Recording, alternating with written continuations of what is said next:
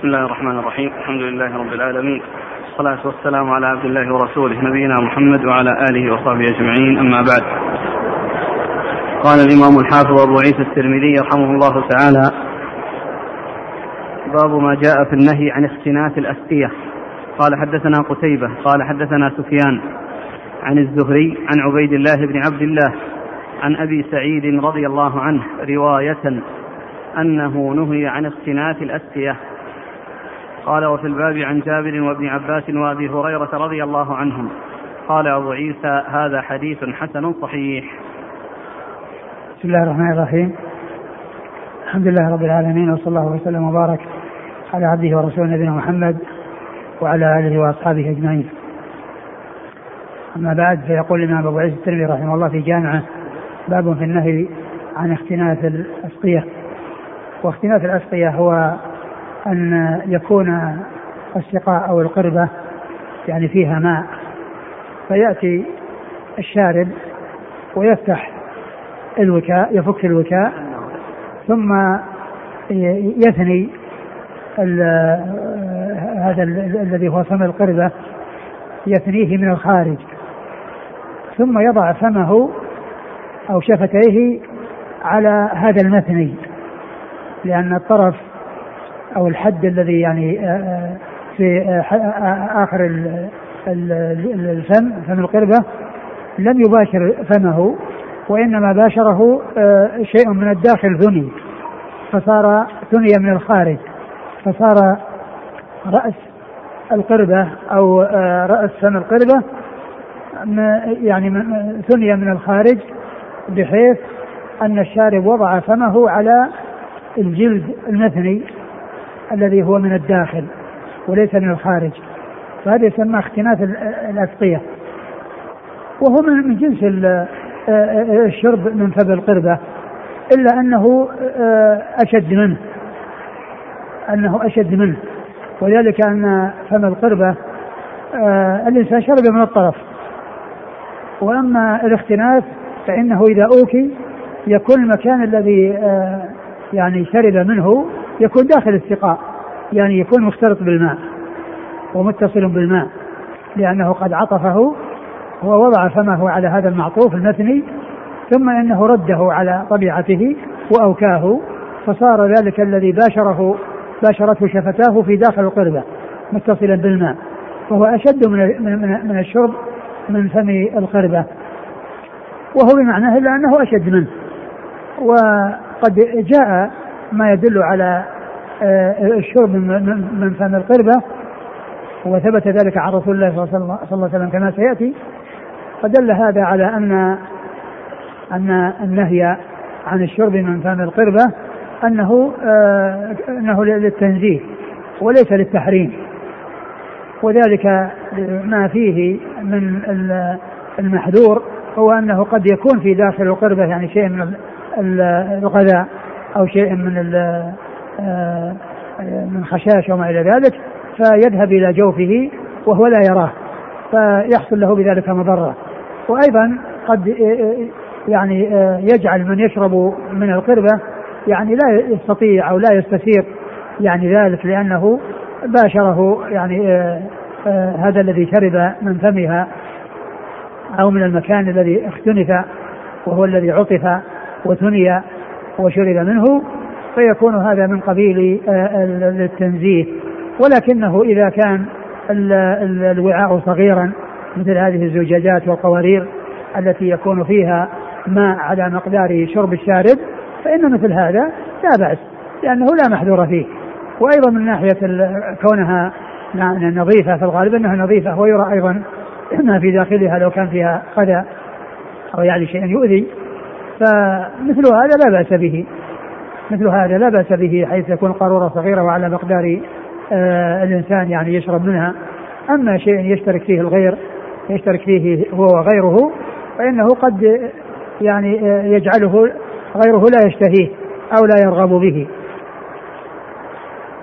آه فهذا هو معنى اختناث الأسقية وأن أنه آه، قد نهي عن ذلك. جاء عن أبي سعيد الخدري رضي الله عنه رواية كلمة رواية هذه يعني تعني الرفع. ينطق رواية أو يرويه أو ينميه. وهي مثل قال قال رسول الله صلى الله عليه وسلم أو سمعت رسول الله صلى الله عليه وسلم. كذا يعني يؤتى بها بهذا بهذا اللفظ.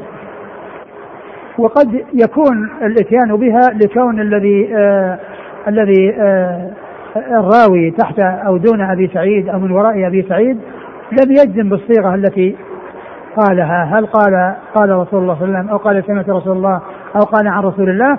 فاذا اتى بعبارة رواية أو يرويه أو ينميه أو ما إلى ذلك فإنها تشمل هذه الصيغة كلها. نعم. قال حدثنا قتيبة. قتيبة بن سعيد ثقة أخرجها أصحاب الكتب الستة. عن سفيان. سفيان هو الثوري. سفيان. سفيان بن عيينة هو ثقة أخرجها أصحاب الكتب الستة. عن الزهري عن الزهري محمد بن مسلم بن عبيد الله بن شهاب ثقة أخرجها أصحاب الكتب الستة. عن عبيد الله بن عبد الله عبيد الله بن عبد الله بن عتبة بن مسعود وهو ثقة فقيه أحد فقهاء المدينة السبعة في عصر التابعين أخرج له أصحاب الكتب الستة.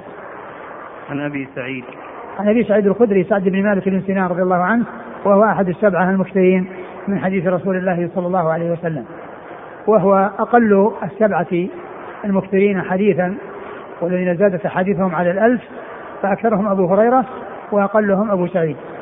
وكلهم احاديثهم زادت على الالف نعم. قال وفي الباب عن جابر. جابر بن عبد الله رضي الله عنهما هو أحد المكثرين من حديث رسول الله صلى الله عليه وسلم. وابن عباس. وابن عباس أحد العبادلة. الأربعة هو أحد المكثرين من حديث رسول الله صلى الله عليه وسلم. وأبي هريرة.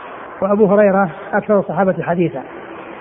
قال رحمه الله. وهؤلاء الأربعة هم من السبعة المكثرين من حديث رسول الله صلى الله عليه وسلم الذين جازت أحاديثهم على الالف وأكثرهم أبو هريرة وأقلهم أبو سعيد.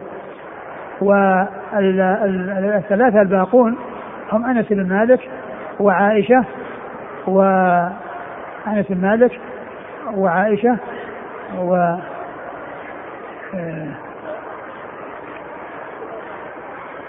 آه، وابن عمر. وابن عمر. هؤلاء الثلاثة الذين لم يذكروا يعني ذكر أربعة هنا. أبو سعيد والذين أشار إليهم الترمذي.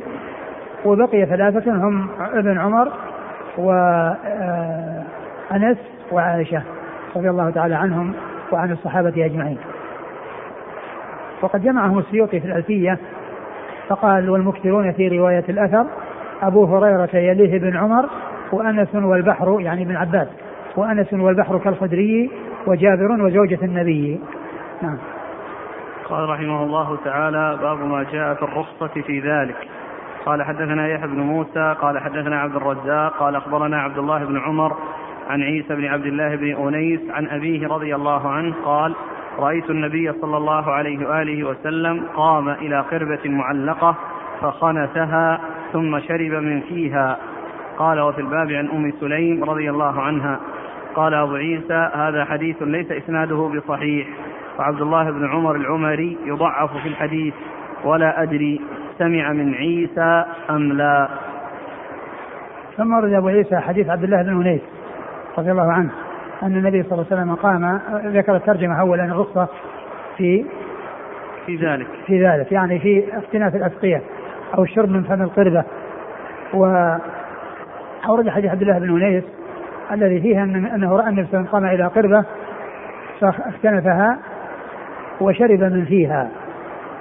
اختنفها يعني كما عرفنا يعني عطف طرفها وثناه حتى صار يعني لاصقا بها من الخلف وصار يعني الذي آه، آه، يشرب منه معطوف. يعني آه، يعتبر داخل الذي يوكى إذا أوكي على القربة فشرب منها. ولكن الحديث ضعيف لأن في عبد الله بن عمر العمري المكبر وهو ضعيف وفيه أيضا شيخه الذي هو عيسى وهو مقبول. فالاختناث آه، جاء في هذا الحديث وهو غير ثابت. وأما الشرب من فم القربة فإنه ثابت في الحديث الذي سيأتي وفي أحاديث أخرى. نعم. قال حدثنا يحيى بن موسى. يحيى بن موسى هو ثقة البخاري سجل البخاري وأبو داود والترمذي والنسائي. نعم. عن عبد الرزاق عبد الرزاق بن همام الصنعاني اليماني ثقة أخرجها أصحاب الكتب الستة. عن عبد الله بن عمر. عبد الله بن عمر هو العمري وهو ضعيف أخرج له. مسلم وأصحاب السنن. مسلم وأصحاب السنة هذا هذا أخوه أخوه عبيد الله العمري هو المصغر وهو الثقة. وأما المكبر هذا فهو ضعيف. نعم. عن عيسى بن عبد الله بن أنيس. وهو مقبول أخرج له. أبو داود والترمذي. عن أبيه عن أبيه عبد الله بن أنيس رضي الله عنه أخرج له. أبو داود والترمذي. نعم. وفي الباب عن أم سليم. أم سليم آه آه رضي الله عنها هي آه أم أنس بن مالك وهي صحابية أخرج لها أصحاب في الستة إلا ابن ماجه. نعم. إلا ابن ماجه. إلا ابن ماجه.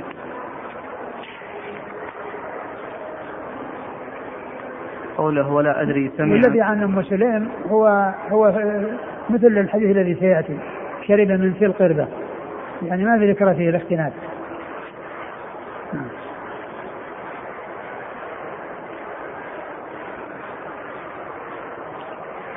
وقد ذكره الشارع حديث أم سليم.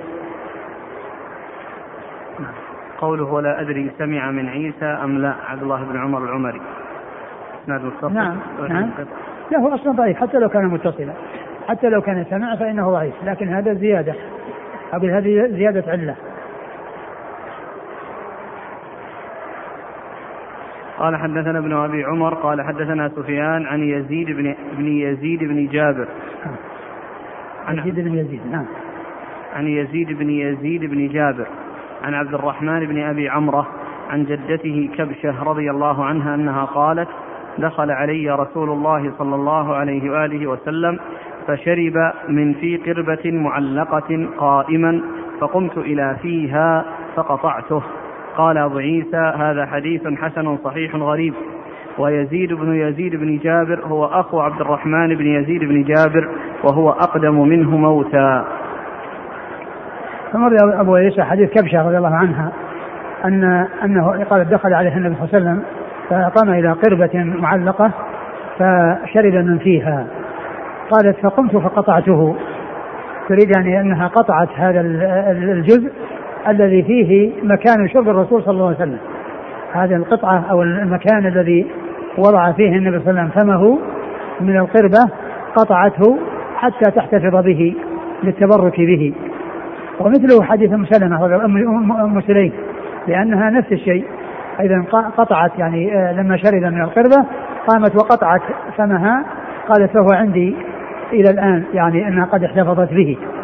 وهذا آه، آه، لما كان عليه الصحابة رضي الله عنهم وأرضاهم من التبرك بآثاره المتعلقة بجسده عليه الصلاة والسلام فإنهم كانوا يتبركون بذلك.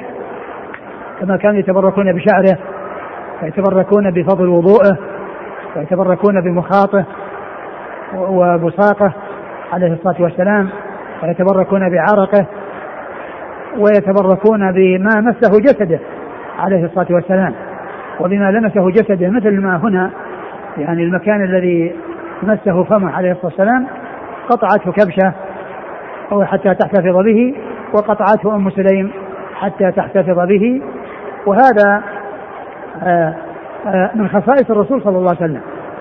هذا الأمر الذي هو التبرك بما لامسه جسده هو من خصائصه عليه الصلاة والسلام.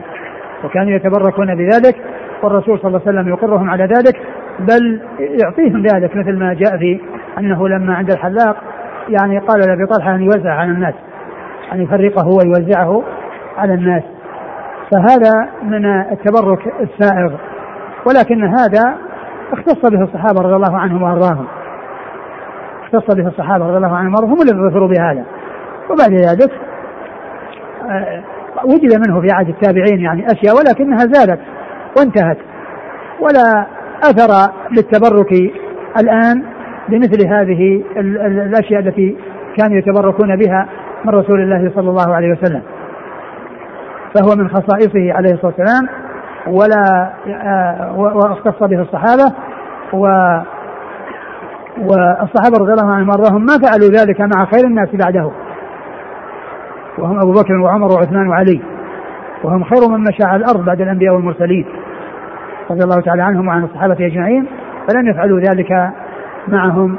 فدل هذا على أن الأمر مقصور عليه وأن هذا مختص به لأن عدول الصحابة وعدم آه، معاملتهم غيره من هم ممن هم أفضل الناس يعني في هي هذه الأمة وهم الخلفاء الراشدين الأربعة فلم يفعلوه معهم فدل هذا على أن الصحابة رضي الله عنهم اعتبروا ذلك وفهموا أن ذلك من خصائصه عليه الصلاة والسلام فلا يعامل غيره يعني هذه المعاملة.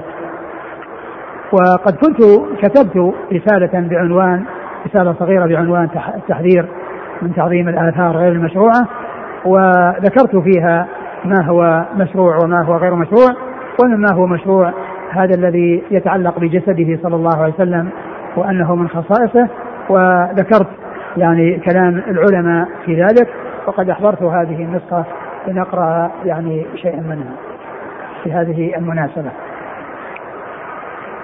في الصفحه 16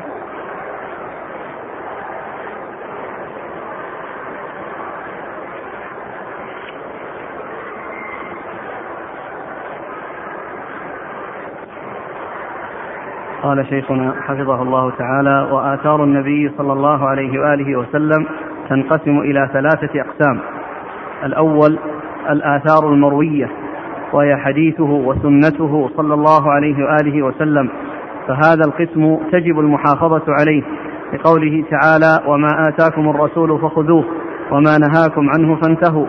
وقوله صلى الله عليه وآله وسلم عليكم بسنتي وسنة الخلفاء الراشدين المهديين من بعدي. الحديث. وقوله صلى الله عليه وآله وسلم ما نهيتكم عنه فاجتنبوه وما أمرتكم به فأتوا منه ما استطعتم. الحديث. رواه البخاري ومسلم. الثاني. وهذا وهذا يعني آه، يقال له أثر ويقال له آثار ويقال يعني العلم الحديث علم الأثر ويقال لأحد الرسول صلى الله عليه وسلم آثاره. ويعني يقال لأهل الحديث أهل الأثر يعني أنهم أهل المأثور عن الرسول صلى الله عليه وسلم وكذلك عن الصحابة ومن بعدهم من السلف. فإذا هذا يسمى أثر والجمع آثار. فآثار الرسول صلى الله عليه وسلم منها هو ما هو أحاديثه وسنته عليه الصلاة والسلام فإنها آثاره وهذه يجب المحافظة عليها. ويجب الأخذ بها والالتزام بما جاء فيها لقوله صلى الله عليه وسلم كل أمتي يدخلون الجنة إلا من أبى. قيل ومن يأبى يا رسول الله؟ قال من أطاعني دخل الجنة ومن عصاني فقد أبى. ومعلوم أن طاعته صلى الله عليه وسلم إنما تكون بما جاء به من الكتاب والسنة. بما جاء به من الكتاب والسنة. فإذا هذا النوع من الآثار التي هي الآثار المروية الثابتة عن النبي صلى الله عليه وسلم يتعين الأخذ بها والعمل بها لقوله صلى الله عليه وسلم إذا أمرتكم بأمر فأتوا منه ما استطعتم وإذا نهاتكم عن شيء فاجتنبوه. نعم. الثاني الآثار المكانية وهذا القسم يؤخذ منه بما ثبتت به السنة كالصلاة في مسجده صلى الله عليه وسلم وفي مسجد قباء. لقوله صلى الله عليه وآله وسلم لا تشد الرحال إلا إلى ثلاثة مساجد مسجدي هذا ومسجد الحرام ومسجد الأقصى. رواه البخاري ومسلم واللفظ له عن أبي هريرة رضي الله عنه. وقوله صلى الله عليه وسلم صلاة في مسجدي هذا خير من ألف صلاة فيما سواه إلا المسجد الحرام. رواه البخاري ومسلم عن أبي هريرة رضي الله عنه. ولقوله صلى الله عليه وسلم الصلاة في مسجد قباء كعمرة. رواه الترمذي وابن ماجه عن أسير بن ظهير رضي الله عنه. وقال الترمذي حديث حسن صحيح.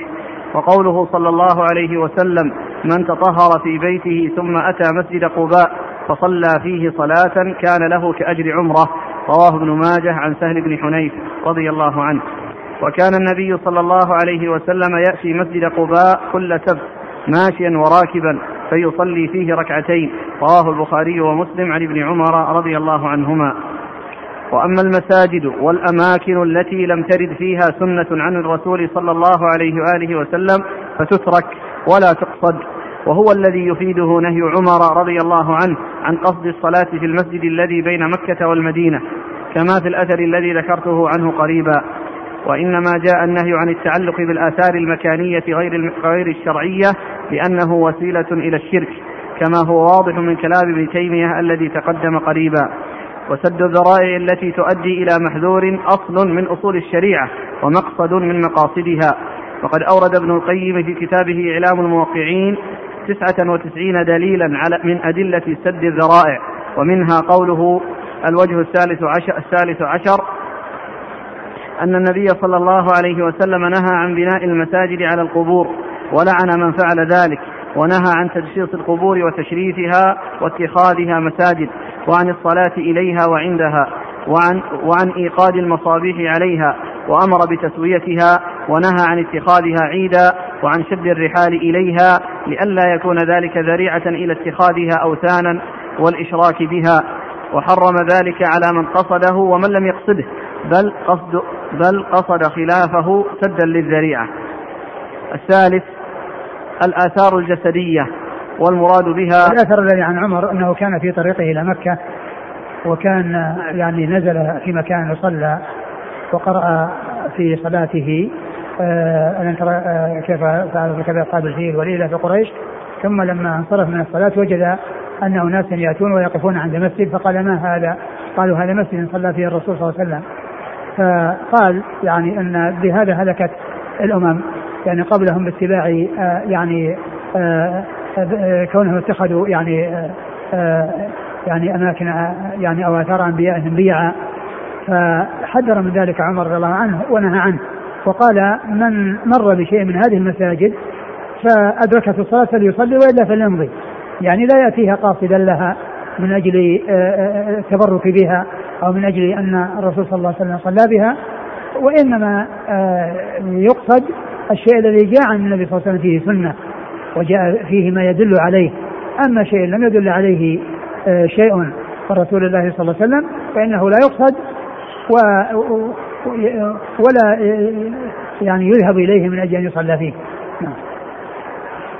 الثالث الآثار الجسدية والمراد بها ما مسه جسده صلى الله عليه وسلم فهذه التبرك بها سائغ وقد تقدم الكلام فيها قريبا. وقد ظفر بذلك الصحابة رضي الله عنهم ومن وصله شيء منها من التابعين ومن بعدهم. وبعد ذلك انقرضت ولم يكن لها وجود على الحقيقة ولا مجال للتعلق بها. وتقدم أيضا أن هذا من خصائصه لما جعل الله فيه من البركة وغيره صلى الله عليه وسلم لا يقاس عليه.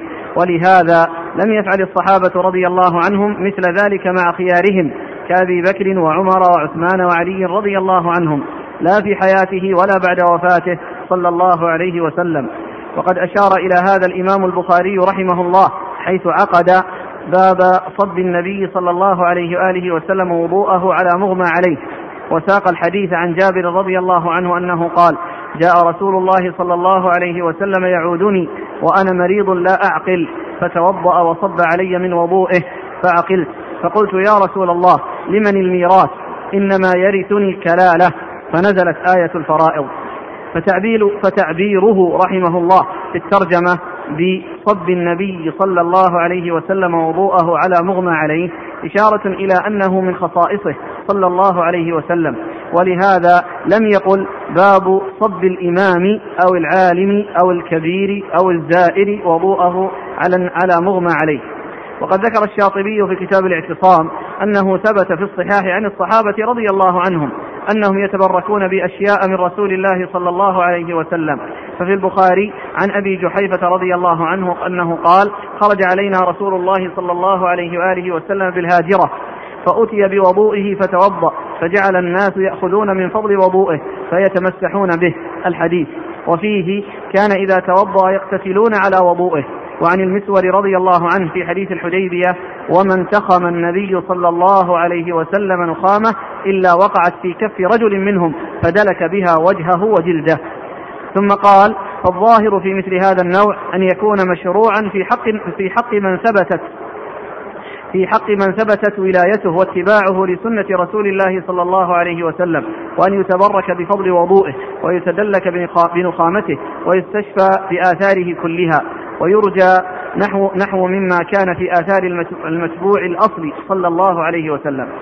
ثم ذكر أن هذا الاحتمال لقياس غيره صلى الله عليه وسلم عليه في التبرك به عارضه أصل مقطوع به. فقال إلا أنه عارضنا في ذلك أصل مقطوع به في متنه مشكل في تنزيله. وهو أن الصحابة رضي الله عنهم بعد موته عليه السلام لم يقع من أحد منهم شيء من ذلك بالنسبة إلى من خلفه. إذ لم يترك النبي صلى الله عليه وسلم بعد بعده في أمته أفضل من أبي بكر الصديق رضي الله عنه فهو كان خليفته ولم يفعل به شيء من ذلك ولا عمر رضي الله عنهما وهو كان أفضل الأمة بعده. ثم كذلك عثمان ثم علي ثم سائر الصحابة الذين لا أحد أفضل منهم في الأمة. ثم لم يثبت لواحد منهم من طريق صحيح معروف أن متبركا تبرك به على أحد تلك الوجوه أو نحوها بل اقتصروا فيهم على الاقتداء بالأفعال والأقوال والسير الذي والسير التي اتبعوا فيها النبي صلى الله عليه وسلم. فهذا عليكم بسنتي وسنة الخلفاء الراشدين هذا هو الذي تبعهم فيه. نعم. فهذا إذا إجماع منهم على ترك تلك الأشياء وبقي النظر في وجه ترك ما تركوا منه ويحتمل وجهين. أحدهما أن يعتقدوا فيه الاختصاص وأن مرتبة النبوة يسع فيها ذلك كله للقطع بوجود ما التمسوا من البركة والخير. فصار هذا النوع مختصا به كاختصاصه بنكاح ما زاد على الأربع وإحلال بضع الواهبة نفسها له. وعدم وجوب القسم على الزوجات وشبه ذلك. فعلى هذا المأخذ لا يصح لمن بعده الاقتداء به بالتبرك على أحد تلك الوجوه ونحوها. ومن اقتدى به كان اقتداؤه بدعة. كما كان الاقتداء به في الزيادة على أربع نسوة بدعة. الثاني أن لا يعتقد الاختصاص ولكنهم تركوا ذلك من باب الذرائع خوفا من أن يجعل ذلك سنة كما تقدم ذكره في اتباع الآثار والنهي عن ذلك. أو لأن العامة لا تقتصر في ذلك على حد بل تتجاوز فيه الحدود وتبالغ بجهلها في التماس البركة حتى يداخلها للمتبرك به تعظيم تعظيم يخرج أو يخرج به عن الحد. فربما اعتقد في التبرك به ما ليس فيه وهذا التبرك هو أصل العبادة. ولأجله قطع عمر رضي الله عنه الشجرة التي بويع تحتها رسول الله صلى الله عليه وسلم. بل هو كان أصل عبادة الأوثان في الأمم الخالية حسب ما ذكره أهل السير. ولا تأثير للشك بتنزيل المنع على أحد الوجهين المذكورين لأن كل منهما انتهى, كلام الشاطبي. نعم. انتهى كلام الشاطبي وقد ذكر هذين الوجهين وأنا أقول أنه لا تأثير. يعني للشك. لأن هذا مقصود وهذا مقصود. يعني كونهم يعني يعتبره مختص به وأنه لا يتعدى إلى غيره وكونه أيضا ما يخشى من آه يعني من من آه التوسل أو التوصل إلى آه الانتقال إلى أمر محذور وإلى أمر محرم وأن هذا من سد الذرائع. فكل من الأمرين صحيح ولا تنافي بينهما. هذا هذا معتبر وهذا معتبر. ولا ولا ولا ولا تأثير للشك بتنزيل المنع على أحد الوجهين المذكورين لأن كل منهما مقتض ترك التبرك بغيره صلى الله عليه وسلم وسواء علل الترك بهذا أو بهذا فالنتيجة واحدة.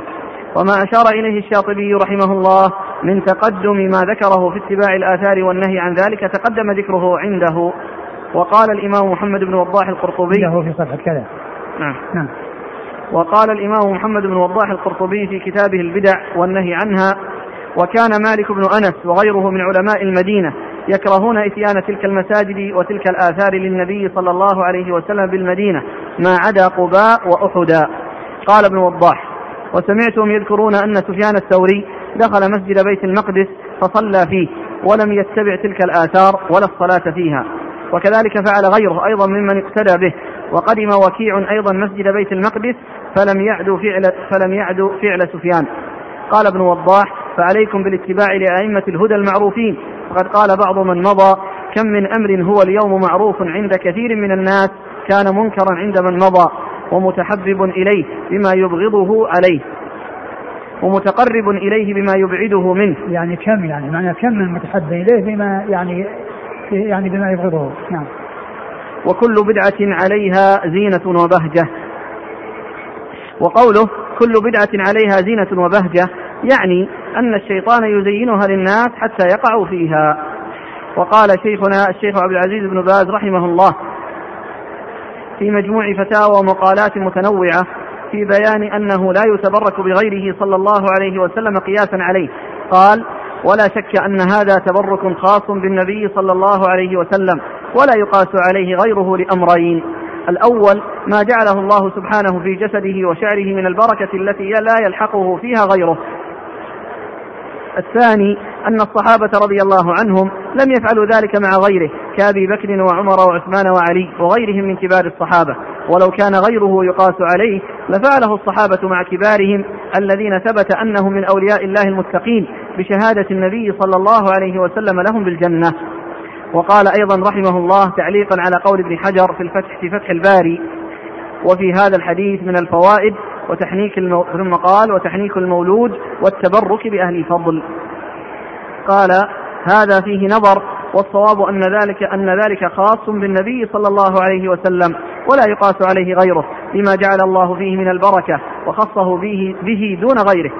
ولأن الصحابة رضي الله عنهم لم يفعلوا ذلك مع غيره صلى الله عليه وسلم وهم أعلم الناس بالشرع فوجب التأسي بهم ولأن جواز مثل هذا لغيره صلى الله عليه وسلم قد يفضي إلى الشرك فتنبه. انتهى. نعم. ومن الآثار السيئة للتعلق. نرجع إلى. قال حدثنا ابن أبي عمر. ابن أبي عمر هو محمد بن يحيى بن أبي عمر العدني وهو صدوق. أخرجه مسلم والترمذي والنسائي بن ماجه. عن سفيان. سفيان هو بن عيينة. عن يزيد بن يزيد بن جابر. يزيد بن يزيد بن جابر هو؟ ثقة أخرجه مسلم وأبو داود الترمذي وابن ماجه. نعم. عن عبد الرحمن بن أبي عمرة. وهو؟ يقال ولد على عهد النبي صلى الله عليه وسلم وله أصحاب الكتب. نعم. عن جدته كبشة. أخرج لها؟ الترمذي وابن ماجه. نعم. هنا قال فشرب من في قربة معلقة قائما. فيقول الأخ نعم. هل يستدل به على جواز الشرب قائما؟ هو يعني هذا يستدل على جواز الشرب قائما ويعني آه، وقيل آه، إن هذا إنه كان لحاجة و أو إنه أمر دعا إلى ذلك وقيل إن المقصود من ذلك هو بيان الجواز يعني بيان الجواز لا من جهة الشرب قائما ولا من جهة الشرب من فم القربة الذي جاء في بعض الأحاديث النهي عنه فيكون آه، ما جاء من النهي للتنزيه يعني في الحالين سواء في الشرب عن قيام أو الشرب من آه، أو النهي عن فم القربة الشرب من فم القربة فيكون ذلك من قبيل التنزيه وليس من قبيل التحريم نعم. قال رحمه الله تعالى باب ما جاء أن الأيمنين أحق بالشراب ها؟ أحق أحق بالشراب نعم. قال حدثنا الأنصاري قال حدثنا معا قال حدثنا مالك قال وحدثنا قتيبة عن مالك عن ابن شهاب عن أنس رضي الله عنه أن النبي صلى الله عليه وسلم أتي بلبن قد شيب بماء وعن يمينه أعرابي وعن يساره أبو بكر رضي الله عنه فشرب ثم أعطى الأعرابي وقال الأيمن فالأيمن قال وفي الباب عن ابن عباس وسهل بن سعد وابن عمر وعبد الله بن بسر رضي الله عنهم أجمعين. قال أبو عيسى هذا حديث حسن صحيح. ثم رد أبو عيسى الترجم باب أن الأيمنين أحق في الشراب. الشراب. يعني عندما يعني يقدم آه، آه، الماء أو اللبن أو الشيء الذي يشرب ويعطى للكبير فإنه إذا فرغ منه يعطي يعطى الذي على يمينه ويكون الحق يعني من يكون على اليمين. ولو كان الذي عن جهة الشمال يعني آه، أعظم منه قدرا وأعظم منه منزلة لأن المعتبر هو يعني فضل اليمين واعتبار اليمين.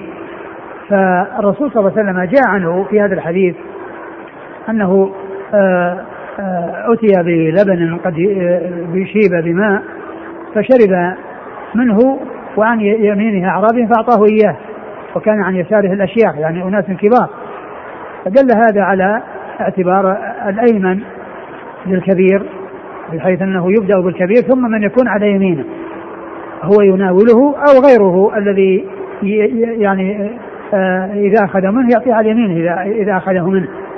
أو أنه يعني شيء يعني يصب يعني بأوعية صغيرة فإنه يعطى الكبير ثم يعطى من كان على يمينه وهكذا وهذا يعني آه، آه، من أجل آه، اعتبار اليمين ومن كان على اليمين.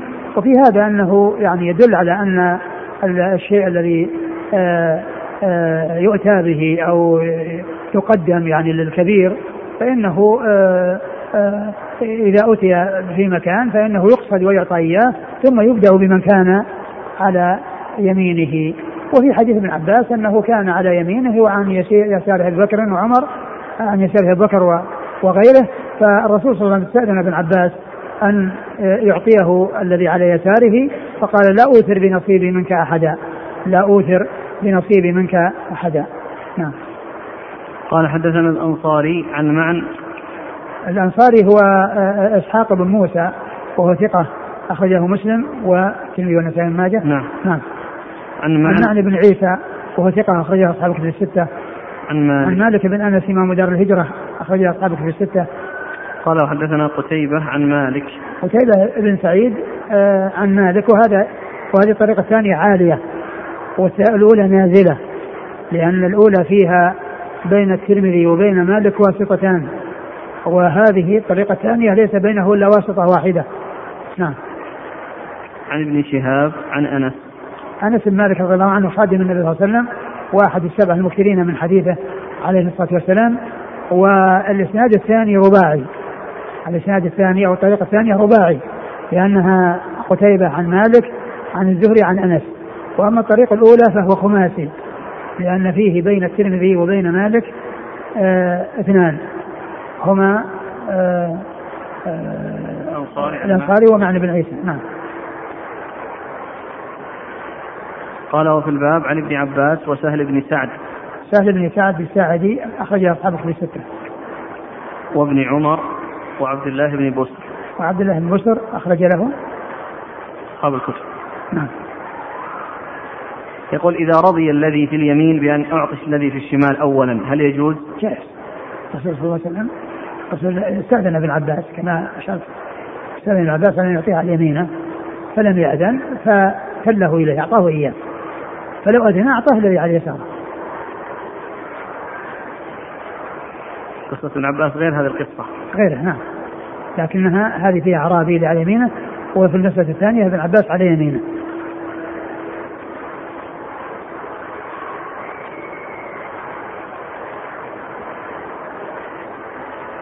يقول إذا كان والدي عن اليسار. الحديث الحديث يعني دل على أن الحقل يكون على اليمين. وقد كان على يساره أبو بكر رضي الله عنه وهو أفضل الأمة وعلى يمينه أعرابي فأعطاه الأعرابي.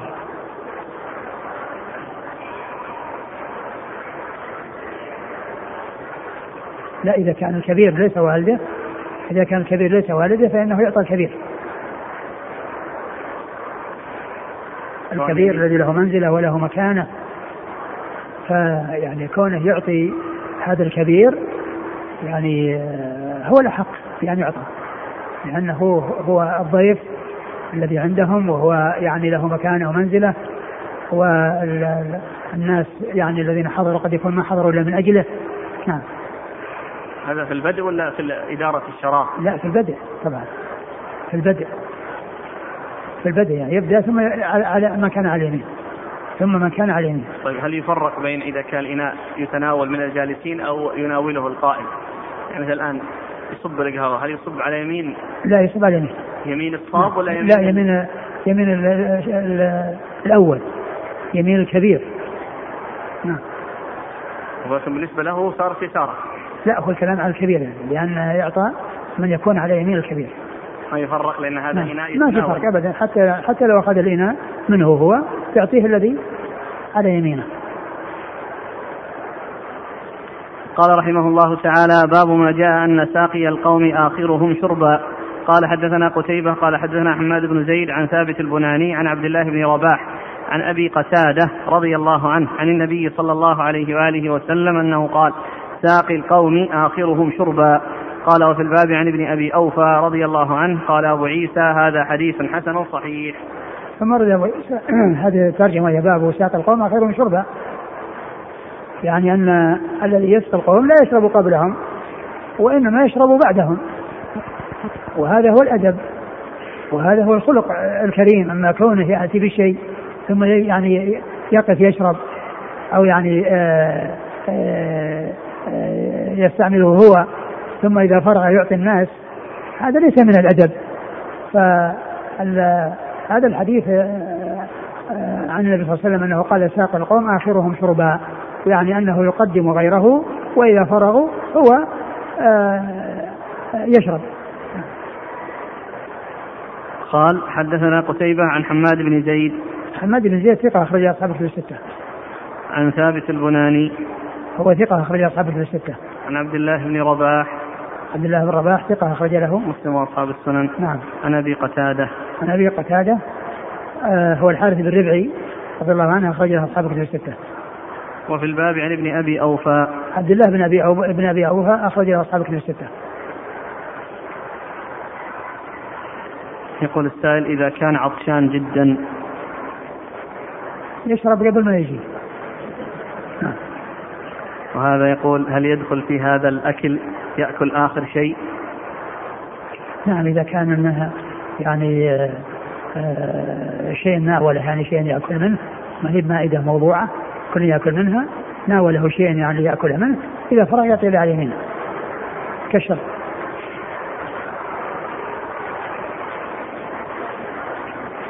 تنبيه على الطلاب؟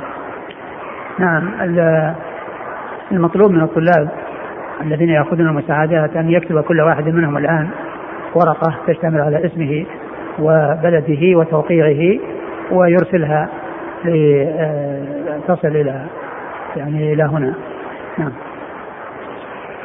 قال رحمه الله تعالى باب ما جاء أي الشراب كان أحب إلى رسول الله صلى الله عليه وآله وسلم.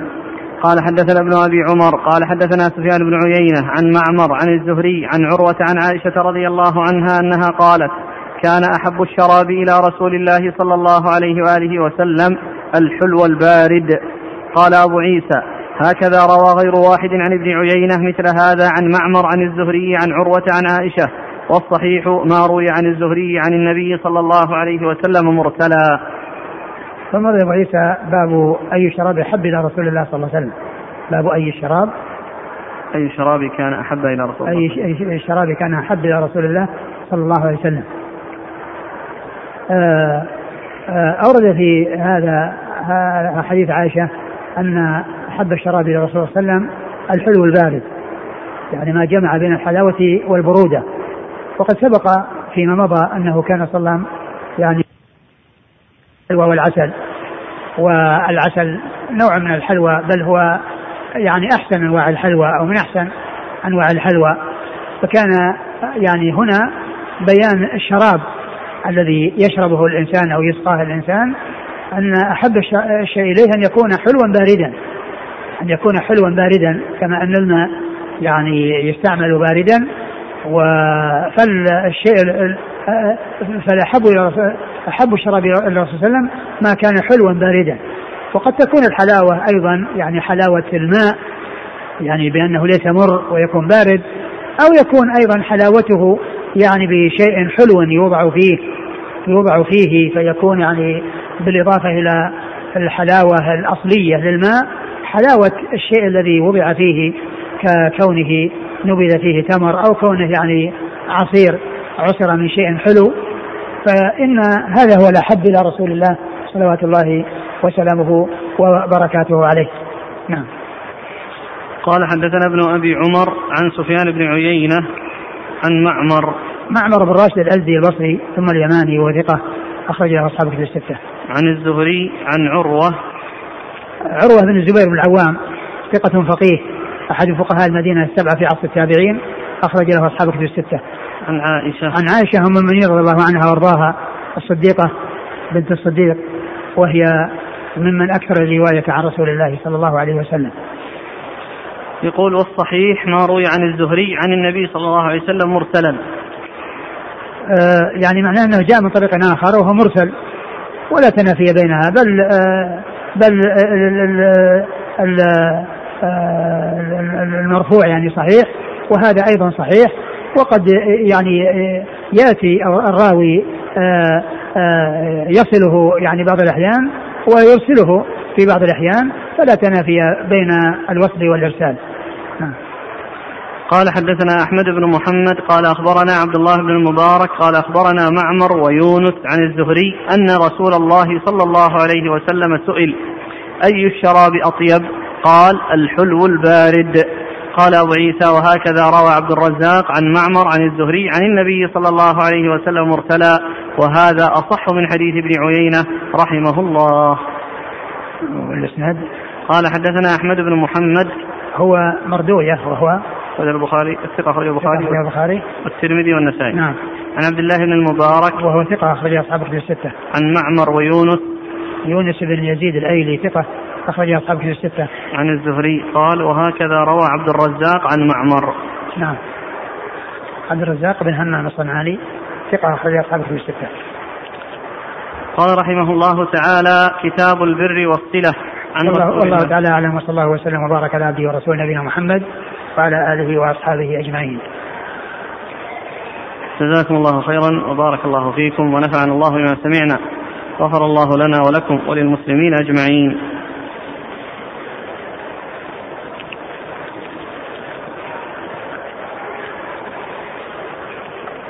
يقول السائل أحسن الله إليك. إذا كان الرجل يتتبع آثار النبي صلى الله عليه وسلم مثل البي مثل البيتوتة في الأبطح بعد الخروج من مكة بعد أيام التشريق محتجا بفعل ابن عمر رضي الله عنه مع أننا قد علمنا إنكار عمر رضي الله عنه على ذلك. فهل نقول لمن فعل ذلك مقتديا بالسلف الصالح لأن ابن عمر من الصحابة؟ نعم لا شك. يعني ابن عمر معروف فضله ولكن الذي فعله أبوه فأولى منه. والذي جاء عن أبيه وعن غيره من الصحابة ال- ال- الكثيرين الذي لا يكاد يعرف إلا عن ابن عمر. يعني هذا العمل وأما غيره من الصحابة فإنهم كانوا على خلاف ذلك. فلا شك أن الأخذ بما كان عنهم هو الأولى. وأما مسألة الأبطح يعني ففيها خلاف. هل الرسول صلى الله عليه وسلم فعله اتفاقا أو أنه فعله يعني قصدا؟ فمن العلماء من قال إنه يعني آه، اتفاقا وأنه كان أسمح بطريقه. ومنهم من قال إنه مقصود.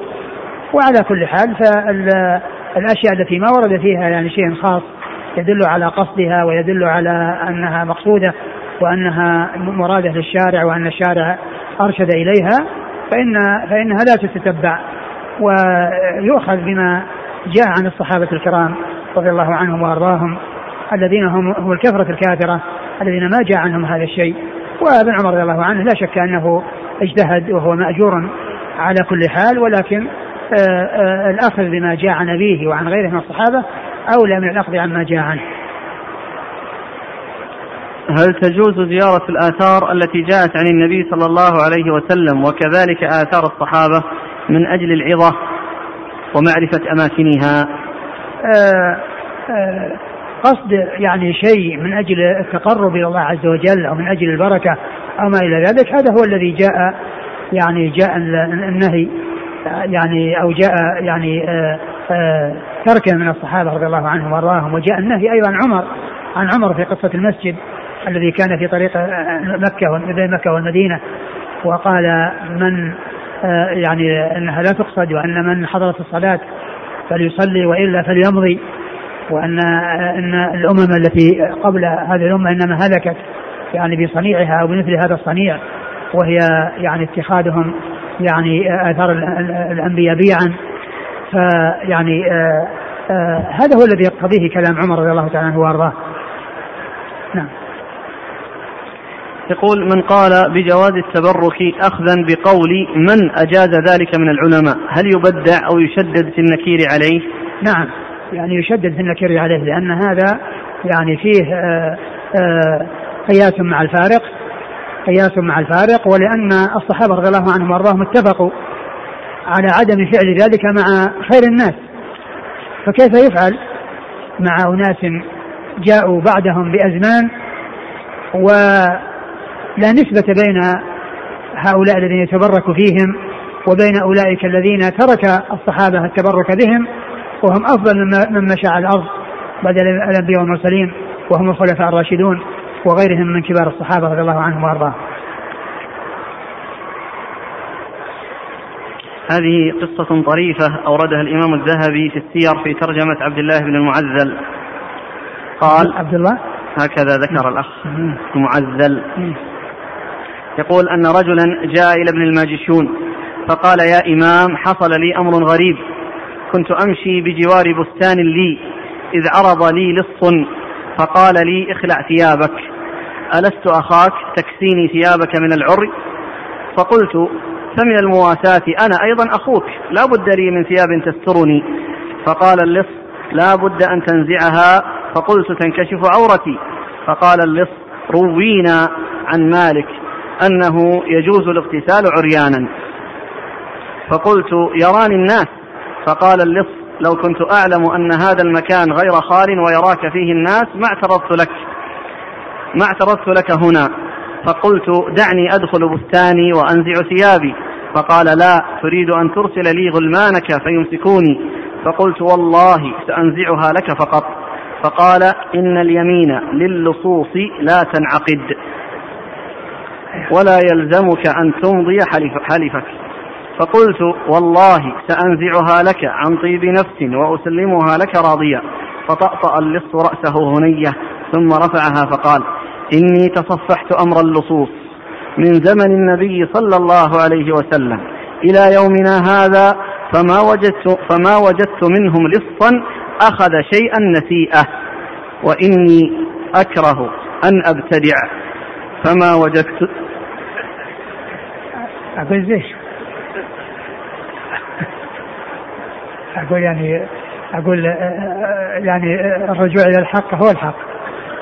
واتباع الهدى هو الهدى. فما وجدت من بد إلا أن تن إلا أن نزعت ثوبي. أعوذ بالله.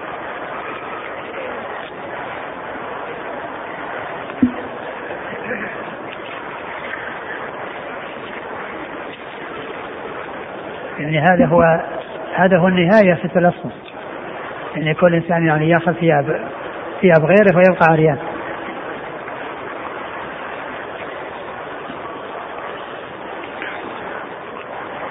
لكن هذا الذي أقول هذه الأمور راح يبتدع. يعني يصير على طريقة اللصوص. اللي ما يقبلون النسيئة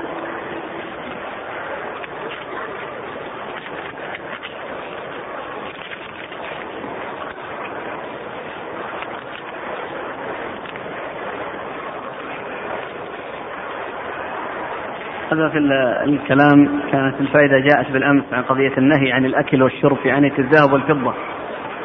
نعم في فيما يتعلق بمسألة الجلجل ولا غيره. لا لا هذا نقل عن كلام ابن القيم. لا مسألة الجلجل التي مرت أمس. يعني في ما يتعلق باستعمال آه، الذهب والفضة في غير الشرب والأكل. والتي يعني فيها أن جمهور العلماء على المنع وأن بعضهم يعني قال بالجواز ومنهم الصنعاني والشوكاني آه، والمسألة التي فيها الجلجل الذي كان عند آه، أم سلمة وأن كان فيه شعرات من شعرات النبي صلى الله عليه وسلم وأنه إذا كان في أحد أصابته عين أو مريض أتوا بقدح فتضع ماء في الجلجل وتحرك وتخفض يعني في تلك الشعرات ثم تصب في ذلك الإناء فيذهبون يذهبون به إلى المريض. ليشربه للتبرك به أي بالتبرك بآثاره صلى الله عليه وسلم وهي الشعرات التي كانت منه صلى الله عليه وسلم. وقد ذكر الحافظ بن حجر في الباري نقلا عن الكرماني أنه قال لعله كان مموها أن يعني ان معنى ذلك؟ أن عائشة رضي الله عنها أن أم سلمة ترى أنه يعني لا يعني يجوز استعمال الفضة أو الذهب والفضة في غير آنية الشرب. و وذكر الحافظ بن حجر أن بعض العلماء أنهم رأوا جواز ذلك يعني في من الفضة يعني في الشيء اليسير أو الشيء مثل الجلجل الذي هو شيء قليل. و وقلنا إن كلمة لا يجوز أنها لعلها يجوز. والذي يبدو ويظهر أن ان أن المقصود أنه لا يجوز. لكن يعني آه، ذلك يعني يمكن أن يقال أنه لا يلزم. يعني انها أنها ترى أنه لا يجوز وأنه يعني انها أنها قد تجوز ذلك مثل ما ذكر الحافظ بن حجر. قد لا تجوزه. ويكون هذا الذي قد حصل منها ليس على سبيل الاستعمال لأن عندها الوعاء من الذهب من الفضة موجود. واتخاذ الوعاء دون أن يستعمل جائز. يعني ليس بحرام لأنه يحفظ المالية. مثل لو كان في إناء من فضة يمكن اقتناءه لكن لا يشرب فيه لأنه محتفظ بماليته التي هي كونه ذهب لأنه يمكن أن يحول إلى حلي وكذلك الجلجل يمكن أن يحول إلى حلي. فقد يعني لا يكون الأمر مثل ما قال الحافظ أنها يعني أن أن أنها ترى الجواز وأنها أن الذي قال الكرماني أنها أنه لا يجوز قد يكون الأمر أنها ترى أنه لا يجوز.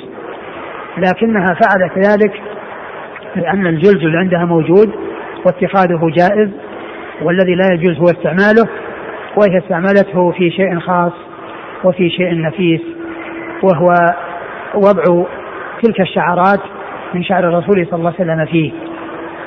فيكون معنى شيء نفيس وضعته في شيء نفيس. يعني شيء نفيس وضعته في شيء نفيس.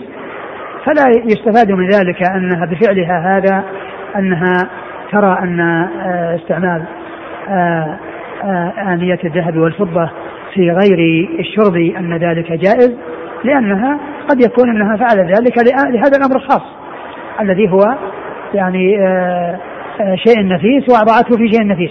مع أن هذا الشيء النفيس الذي عندها هي محتفظة به لأنه مشتمل على مال.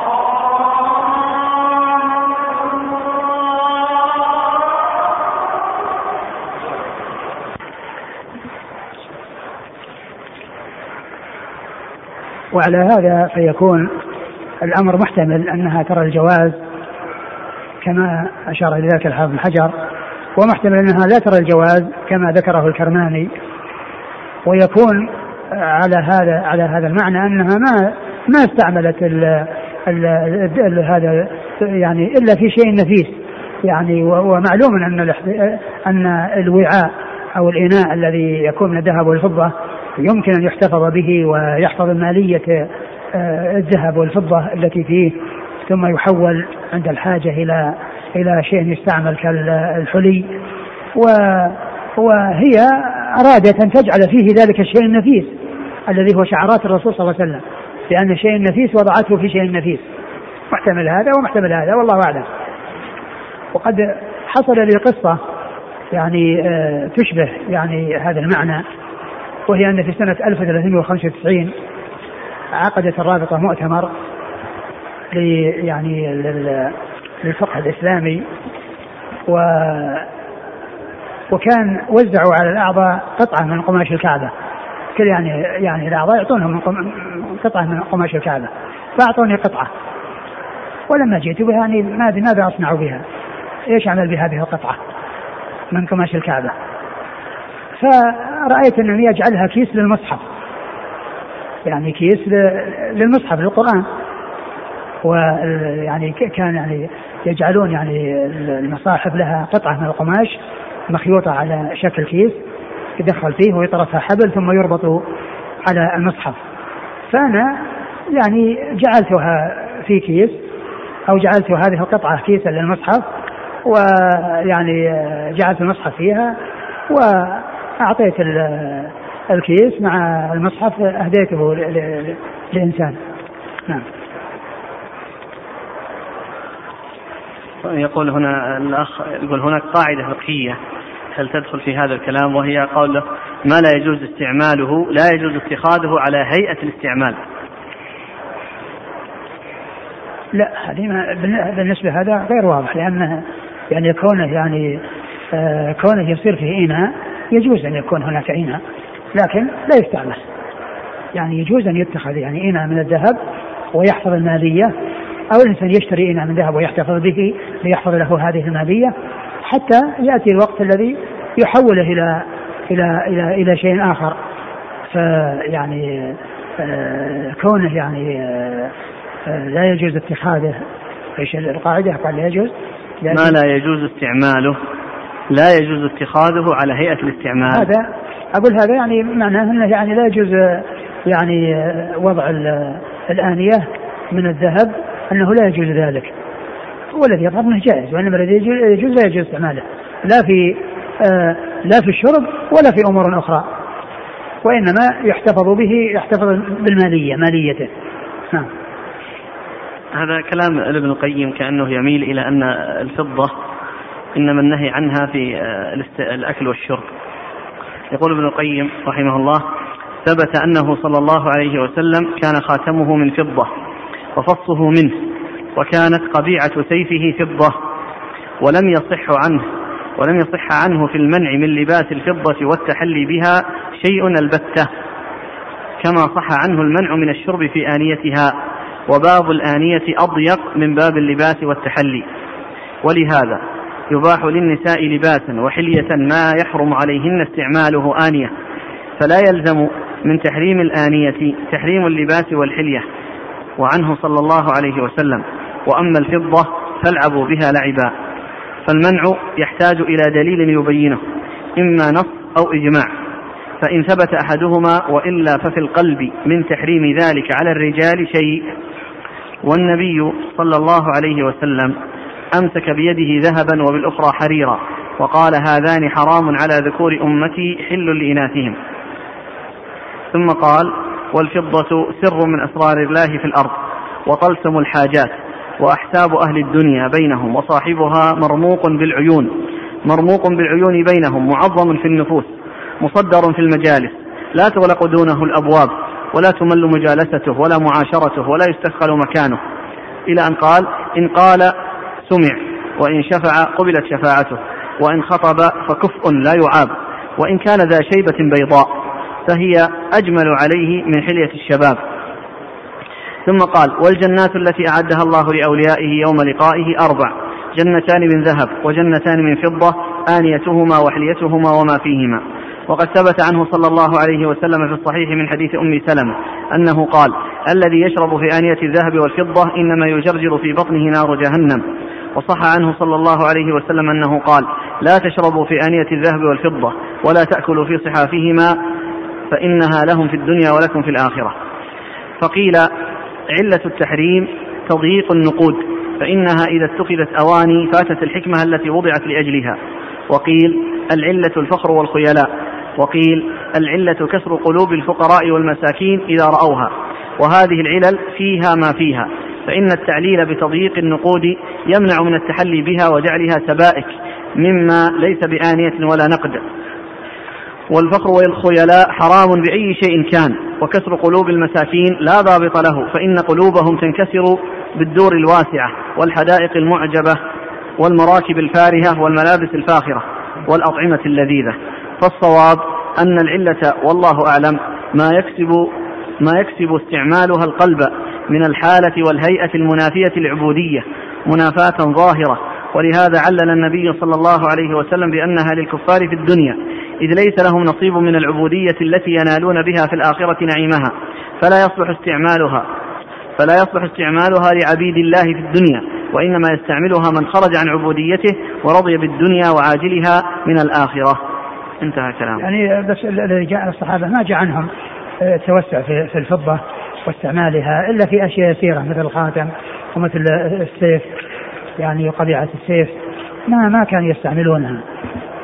يعني ويتوسعون بها فيأتون بها يجعلونها في في, في أمور أخرى غير الأكل والشرب. فالذي يظهر هو يعني المنع من من استعمالها وأنه لا يستعمل إلا الشيء اليسير.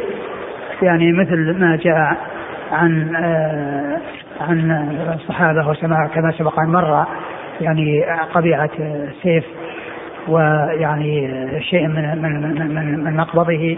يعني يكون فيه شيء من الفضة هذا هو الذي جاء. التوسع في ذلك يعني يبدو أن سلم منه أسلم جزاكم الله خيرا. سبحانك الله وبحمدك أشهد أن لا إله إلا أنت.